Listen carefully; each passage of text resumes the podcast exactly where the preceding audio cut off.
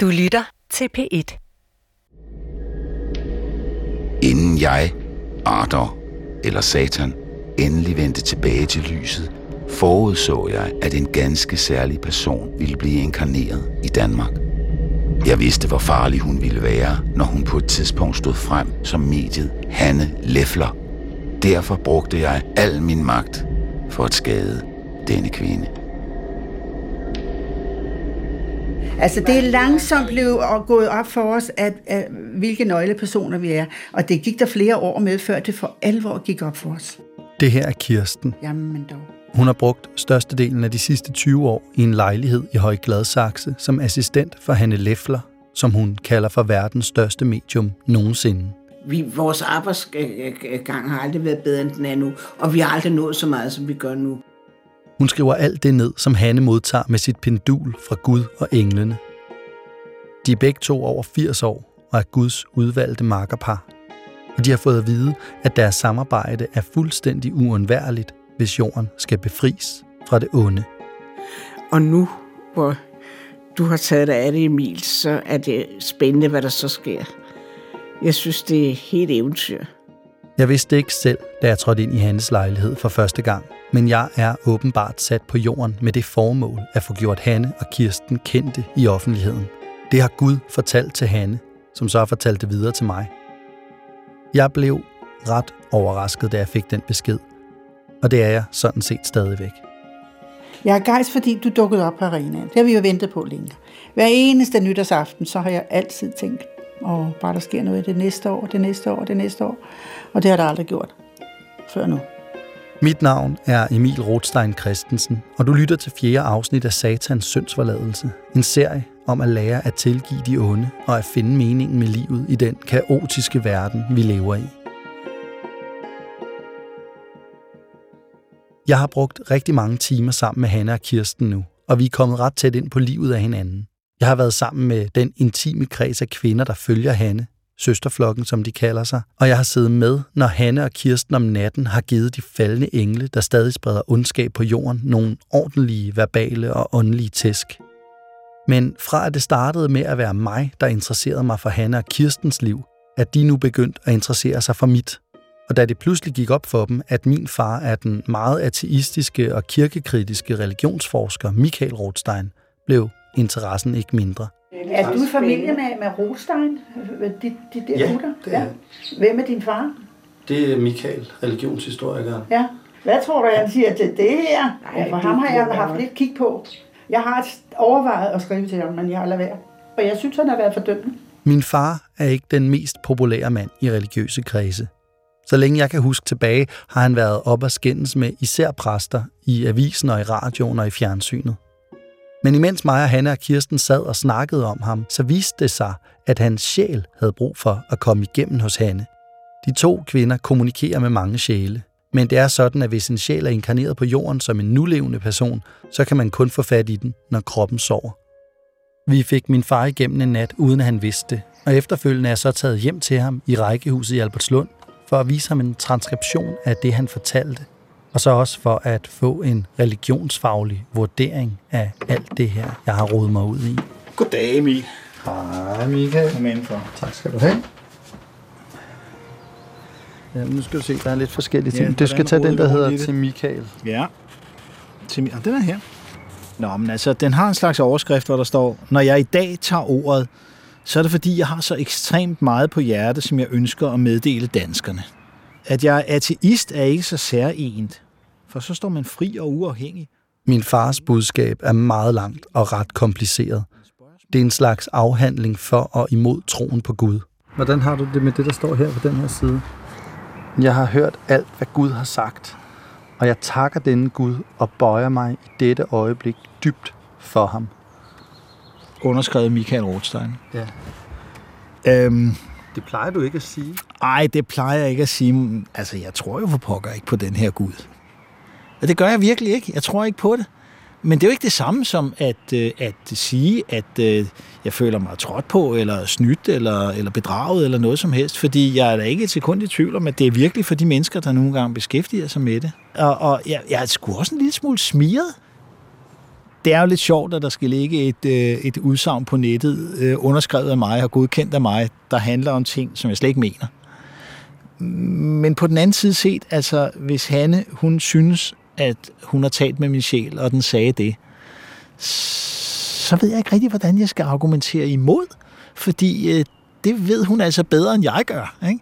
Altså, øh, jeg vil jo sige, at jeg har slet ikke nogen sjæl. Sjæle findes ikke. Det er jo sådan det, er sådan, det jeg vil sige. Det er bare sådan en idé.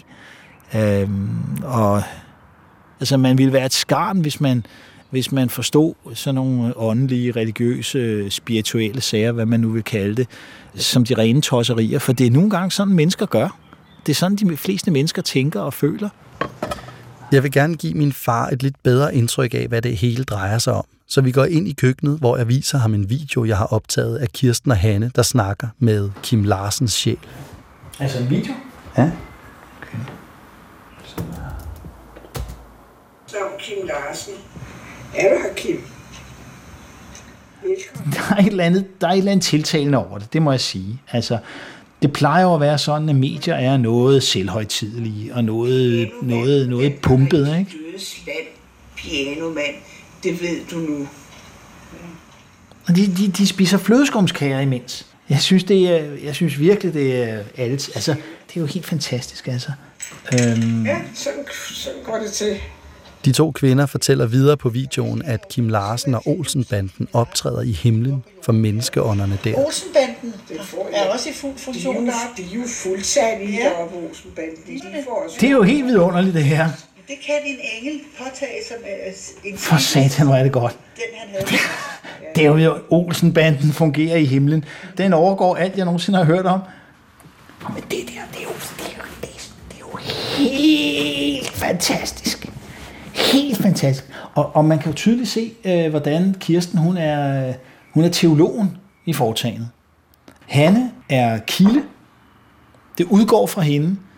Kirsten har ikke den samme myndighed, men hun kan udlægge det, som Hanne fortæller, og hun kan ligesom huske, hvad han har sagt i andre sammenhænge, og minde os om det, og kommentere det med, med autoritet. Ikke? Jeg synes godt, man kan sige, at Kirsten minder sådan lidt om, om sådan en slags Paulus. Altså, Paulus er den, der formidler hele historien om Jesus. Og på samme måde så er, er Kirsten jo den, der primært hjælper Hanne ud over øh, rampen, om man så må sige. Så selvom hun ikke selv er mediet, så er hun så tæt på det, at hun godt kan tillade sig at sige, at hun repræsenterer det i en eller anden forstand. Alt det, du lige hørte her, har jeg taget med hjem til Hanne i Høje Gladsaxe for at spille for hende og Kirsten. Og jeg er ret spændt på, hvad de vil sige til den analyse, som min far lige har lavet. Selv er mediet, så er hun så tæt på det, at hun godt kan tillade sig at sige, at hun repræsenterer det i en eller anden forstand. Tak, det var jeg glad for at høre. Det kan du hilse mig at sige, det glæder mig meget at høre. Og, og det der, han beskrev mig med, det kan jeg godt leve med. Det har jeg det godt med. Jeg synes, vi virker meget skabsindigt, din Ja, far. ved du hvad, jeg er den, der skal have det store overblik. Og det er jo så det, jeg forsøger. Ikke? Jeg kan tydeligt mærke, at han er professionel helt op til, ud til fingerspidserne. Det synes jeg, ja. Det er rigtig, rigtig, rigtig spændende. Mm. Ja, oh, jeg kan bare undre mig lidt, at din far øh, går så, øh, er så interesseret i alt det religiøse og kirkehistorie, når han ikke har nogen tro på Gud. Men jeg tror, du skal sammenligne det med en kunsthistoriker, der ikke selv kan male. Eller ikke, har, Nå. ikke gider at, Ja, det at kan hugge man selvfølgelig. skulpturer. Hvad gør det så ved ham i den situation, at han pludselig øh, må, må se i øjnene, at der findes en Gud? Den han har modarbejdet altid. Ja, det synes jeg. Eller nægtet, ja. nægtet øh, tilstanden af. Vil det ødelægge meget i hans indkant? Vil det ødelægge noget i hans øh, livsværk? Han har jo ikke set det i øjnene. Nej, men det kan han komme til efterhånden. Altså, det, er jo Det kan jo godt gå hen og blive sådan, at det, det er en faktum, mere eller mindre. Og det skulle det gerne blive for mennesker i almindelighed. Men det var rigtig dejligt at høre din far. Kirsten og Hannes forhold er muligvis som Paulus og Jesus i dag. Men der har været nogle ordentlige bump på vejen dertil. Og deres samarbejde har været tæt på at gå i stykker flere gange. De 20 år, det er ikke været lutterlavkage. Hanne har været ramt af så mange forskellige sygdomme. Og det vil jeg have lov at sige, Hanne. Fordi det spillede en stor rolle i vores samarbejde. Jeg skulle samle dig op alle vejen og besøge dig på hospitaler og ordne og gøre ved. Og jeg kunne ikke forstå, at vi der havde sådan en vigtig opgave. Hvorfor skulle vi udsættes for det? Det hængte ikke sammen i mit, i mit øh, univers. Hanne har været plaget af lidt af hvert. Lige fra knuste knogler til sukkersyge. Og engang fik hun endda hjertestop på grund af for meget morfin efter en operation. Og som om det ikke var nok, var der også en overgang, hvor der var noget galt med nogle af de budskaber, Hanne modtog. Jeg havde fået så mange oplysninger undervejs, som ikke passede. Og det brokkede jeg mig over undervejs og sagde mig, hvorfor får jeg så mange forskellige forkerte? Hvordan vil I have, at jeg skal have tillid, når jeg den ene gang efter den anden konstaterer, at det forholder sig ikke, som I sagde? Jeg har jo været ulykkelig. Jeg har ikke kunne forstå, hvad, hvad det var, der skete. Jeg har gjort det i bedste mening. Jeg har aldrig set nogen idé i at modtage noget, der ikke passede. Vel? Jeg har altid gjort mig umage for, at det, jeg skulle modtage, det skulle være 100 procent. For ellers er der jo ikke nogen idé. Det skal jo være rigtigt, jo. Og så opstod den tanke lige pludselig, kan Arthur have spillet, spillet også et pus og, og nedsænke nogle forbandelser? Og det var lige stikordet. Det var det, der var sket. Og så indrømmede han, at han lige før han overgav sig, havde udspydet nogle forbandelser i håb om, at det ville føre til, at jeg forlod han. Vi er altså ude i, at Ardor, dengang han stadig hed Satan, sendte en besværgelse ind i fremtiden for at skade det markerskab, som Hanne og Kirsten var bestemt til at skulle udføre. Og han har bedt Gud om, at jeg ikke vil reagere på det, fordi sådan en gang udslynget, sådan en forbandelse udslynget, den kan ikke, den kan ikke trækkes tilbage. Og Gud kan heller ikke trække den tilbage. Det eneste, der kunne, af, der kunne stanse den, det var, at jeg selv fik tanken og spurgte, og så kunne Gud slette den. Ikke før. Men jeg kan ikke lade være med at undre mig over, at det ikke fik dig til at sige, det er sgu nok bare løgn, det hele så. Nej, ikke løgn.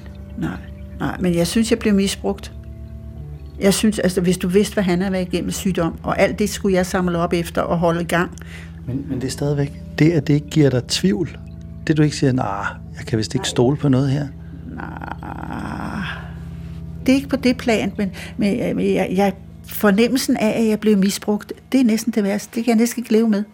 I dag er han jo dybt, dybt fortvivlet over, at han har spændt ben for, for os. Troen er virkelig stor hos de to kvinder. Hvis jeg havde været Kirsten, så tror jeg, jeg var smuttet, så snart problemerne begyndte at komme. Men sådan fungerer det ikke her. Og det tror jeg har noget at gøre med al den tilgivelsesnak, som de to hele tiden har kørende. Deres udgangspunkt er at tilgive den ondeste af alle, Satan.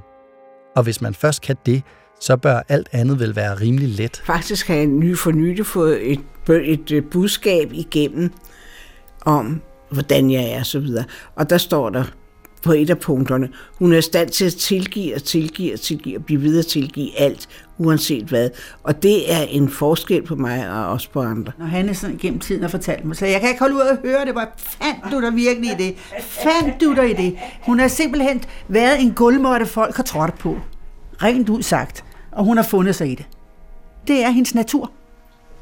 Og, og det viser sig bagefter, at, at de er netop sat i hans cirkel, for at de skulle øh, have gavn af Hanne, have gavn af Hannes lys, ligesom alle de dagplejebørn, hun har fået. De skulle påvirkes af Hannes lys som helt spæde. Ja. Men hun havde, hun havde evnen til, hun fik alle skrigeungerne, der, som de andre sagde, vi kan ikke holde dem nu, vi smider dem nu af vinduet, så kom hen til Hanne med dem. Så gik der et stykke tid, så fik hun, Hitler har hun haft. Han var den værste. Skrigeunge. Ja. Hitler og hans håndlangere har været inkarneret som dagplejebørn hjemme hos Hanne, og de bor alle sammen i området omkring Gladsaxe, Søborg og Brøndshøj, og i dag er de omkring 40 år gamle. Jeg må indrømme, at jeg ikke er helt overbevist. Det er Kirsten til gengæld, selvom hun stadig ikke forstår, hvordan Hanne kunne holde ud at passe alle de eksnazistiske blæbørn. Og hun beundrer virkelig Hanne for hendes evne til at give kærlighed til hvem som helst – da jeg i forlængelse af den snak spørger Kirsten om hende og Hannes venskab, får jeg et svar, som jeg overhovedet ikke havde regnet med. Jeg hører til den slags mennesker, der ikke har slyngveninder. Jeg har godt kunne omgås de fleste, men jeg har aldrig sådan været så øh, involveret i dem, så, så det var øh, så det, man kalder slyngveninder nu om dagen. Så. Men øh, du har brugt virkelig meget tid sammen med den samme kvinde igennem rigtig, rigtig mange år nu. Hun er ikke min slyngveninde. Det er en opgave. Det er min mission. Jeg vil aldrig have valgt hende som veninde, hvis vi var mødt almindeligvis. Aldrig. Vi er så forskellige. Hun er sød og rar og blyg og, og ydmyg og, og, ærlig og alt det der, men jeg er en helt anden, en helt anden natur. Jeg har givet Gud løftet, og det er jeg klar over. Det ligger så dybt i mig, så det skal jeg altså. Og det er også det, der har afholdt mig fra at, og ikke gået fra hende alle gange. Men det var det, Arthur ville. Han har rent ud sagt til os, at det var, hans, det var det, han havde ønsket, fordi vi er de farligste for ham på jorden. Kirsten kommer i tanke om en af de gange, hvor Ardors forbandelse virkelig var tæt på at få hende til at smutte. Hun var totalt lammet efter en operation. Hun var så langt ude, så hun kunne intet. Hun skulle langsomt begynde at lære at spille klaver. Hun fik sådan en lille hammernål op, hvor hun skulle med én finger lære, lære sig op. Ja, du var tro, hun været langt ude. Hun kunne ikke skrive sit navn eller noget som helst. Det er da vildt, hun er kommet tilbage. Ja, det lovede Gud, du skal nok komme det igen. Altså på baggrund af, at vi har den kontakt til Gud, der kan sige, hold ud, det skal nok blive godt. Det har så gjort, at vi holdt ud. Men det tog sin tid, og det har kostet meget i vores samvær. Men selvom klaverspillet her endte med at redde både Hannes selv og hendes samarbejde med Kirsten, har det også været en af de tangenter, Satan har trykket på igennem tiden. Hanne har jo spillet enormt meget klaver i sit liv, før hun blev medium, og Kirsten har kæmpet hårdt imod Hannes evige trang til at spille op til dans på sit keyboard. Jeg måtte altså sætte stolen på døren, så hun holdt op med det der festarrangement, hun spillede for. Det gjorde hun sådan lidt bag min ryg til at begynde med. Jeg holdt op med dagplejerne, og så øh, gik jeg sådan set på pension. Jeg fik førtidspension, og så gik jeg ellers ud og spillede, og det morede mig rigtig meget at sætte keyboard-rytmer på. Det er vores bryllupsdag i dag. Og når der var bryllupper, så spillede jeg, og dengang havde jeg mikrofon, så dengang kunne jeg synge. Og der spillede jeg og sang jeg Bo Bendixens, det er vores bryllupsdag i dag, det må vi have nogle flere af. Og den sang jeg, og folk de klappede, og brudepar dansede, og det, det, var, det var en god idé til, til et bryllup.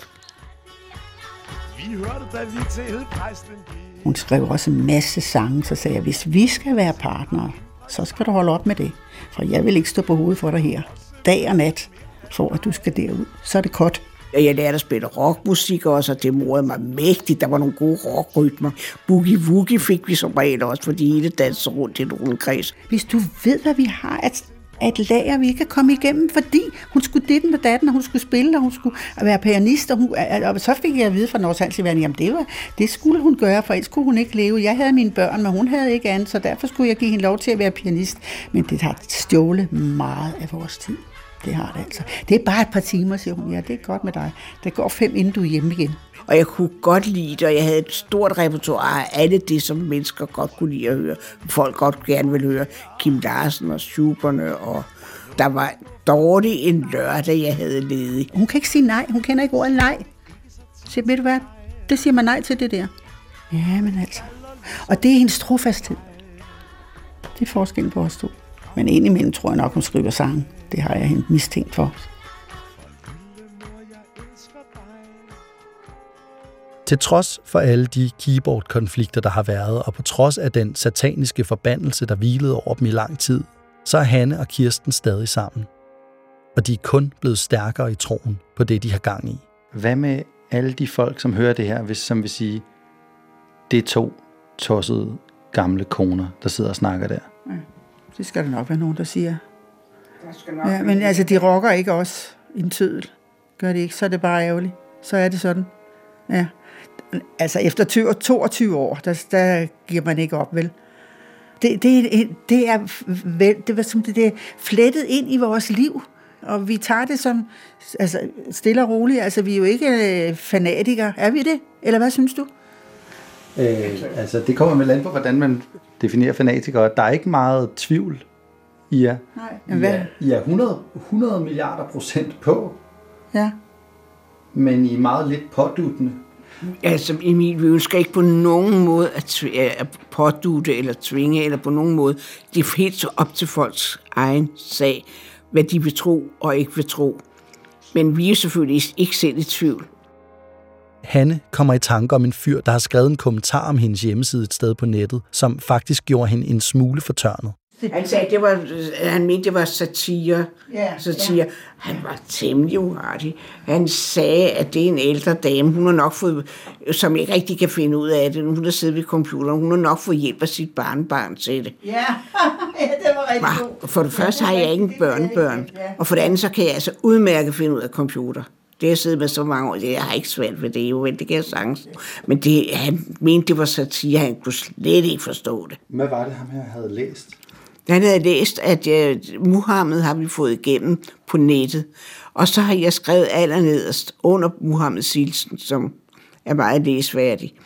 Der har jeg skrevet, jeg har fået tilladelse til at fortælle, at Muhammed i sin seneste inkarnation var den, der var Dirk Passer. Og det er, jeg kan godt, jeg kan godt sige, at det er det komiske i det. Det er voldsomt at få at vide, at Muhammed har været Dirk Passer. Men det er bare fakta. Men der findes altså også andre folk derude. Mere positivt indstillede folk, som har lagt mærke til budskaberne på Hannes hjemmeside. En af dem er Flemming. Jeg hedder Flemming Pedersen, og jeg bor i Viborg. Jeg har talt i telefon med ham, og han er sikker på, at vi ikke mindst takket være Hanne og budskaberne på hendes hjemmeside, er på vej mod lyse tider. Det er helt sikkert, at det, at det vil flytte noget i danskernes tanker, og, og flere og flere vil begynde at, og, og øret til hinanden, og synes, det her det er interessant, måske lige fra morsomt. Flemming er en meget dedikeret mand. Uden nogensinde at have mødt hverken Kirsten eller Hanne, har han af egen kraft lavet en hel hjemmeside, der fungerer som en indføring og indholdsfortegnelse til Hannes hjemmeside jeg nærmest har søgt. Jeg synes, det, det er vigtigt for verden, at, at, øh, og især for her i Danmark, at, at tage imod de ting. Så jeg har simpelthen taget de indledende tekster fra hver eneste af hans meddelelse og sat ind i en form for database på nettet. Og Flemmings begejstring for Hanne og Kirstens arbejde handler især om det positive budskab, de giver videre. At alt nok skal gå. At Gud har styr på det hele, og at han sammen med Hanne og Kirsten er meget tæt på at have fået udraderet satans mørke fra jorden. Der er mange mennesker, der, der går og tænker, jamen, vi er efterladt på den her planet, og vi skal selv klare ærterne. Øh, men der er i hvert fald mange, der, der er fyldt med angst. Vi ser sådan en Armageddon-scenarie, og jo flere amerikanske film vi ser, hvor jorden går under, jo, børn, jo mere bange bliver vi for, at menneskeheden forgår. Og der ser jeg meget, at, at øh, når, når han ikke er her længere til at modtage meddelelser, så har Gud og englene fortalt det, der bliver en, en god basis. Så jeg er da også helt sikker på, at, at der, må, der må danne sig en, en arbejdsgruppe i hans fodspor. Øh, man er jo mere eller mindre godt i gang med at skrive en, en ny verdensreligion, eller en ny bibel, om du vil. Det er store ord. En ny verdensreligion og en ny bibel. Det ved jeg ikke, om Hanne og Kirsten selv vil mene, men de har i hvert fald tekster nok at tage af, hvis det skulle være. Jeg har prøvet at lave et overslag, selvom det er totalt umuligt, og jeg tror, at der i hvert fald er 40.000 sider at tage af. Og det er med en blanding af spænding og nervøsitet, at de to kvinder ser frem mod, hvad det må vil betyde for dem, at de nu kommer i landsdækkende radio.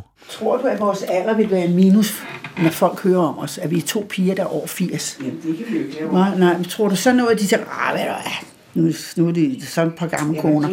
Det har vi jo ikke været for 20 år siden. Nej, der var der vil vi vi- så give du da ikke 80. Nej, Det er da for 20 år Det siden. tænker de da ikke så meget på. De tænker på, at de er over 80, hvordan skal vi da tro på dem? Ja. var vi jo ikke før. Nej, det er meget lidt grovt ikke. Nej. Det er jeg ikke sikker på tæller ned over hovedet. Nå. Det er helt fantastisk, hvad vi hele tiden oplever. Og hvad der hele tiden sker. Det er en fantastisk verden. Og vi får det fra en uudtømmelig kilde, der ikke stopper. Der vi får simpelthen så meget, så vi er hele favnen fuld. Selvom den oversandslige og guddommelige kilde ikke stopper, så er kvinderne jo selv oppe i alderen, og de er helt klar over, at de ikke har specielt mange år tilbage på jorden. Men hvad betyder det så for kampen mod mørket? Og hvad med alle de budskaber, som ikke længere kan nå jorden? Når, når Hanne dør, så er, har- skønner Gud, at nu er vores, skal vi ikke praktisere det mere samarbejde. Men så er alt det, der ligger og venter, det er så mit ansvar. Og jeg lever i hvert fald syv år længere end Hanne. Det har jeg fået at vide. Hvor jeg skal bruge min tid på det her, og få det udgivet, og, og hvad der ellers skal ske, om det skal ske i bøger, eller ud over nettet, eller hvordan, og få det ud til verden. Danskerne er udvalgt folk til at modtage alle de budskaber som de første. Og de er også dem, der er mest udviklet af alle på jorden, så de kan forstå det. Senere skal det oversættes til resten af verden.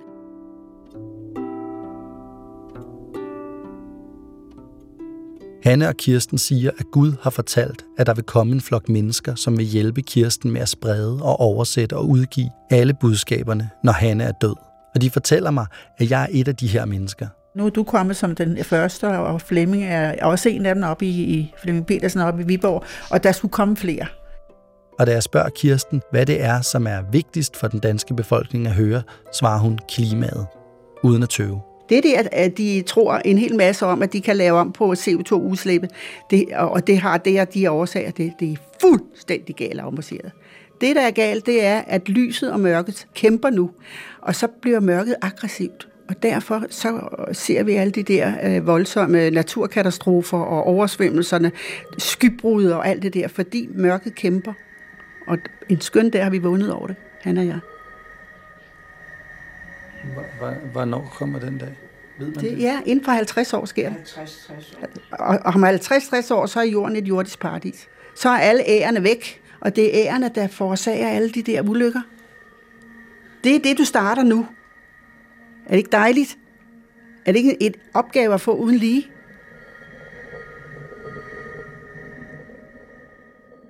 Kære Hanne, kære Kirsten, kære Gud og kære Ardor.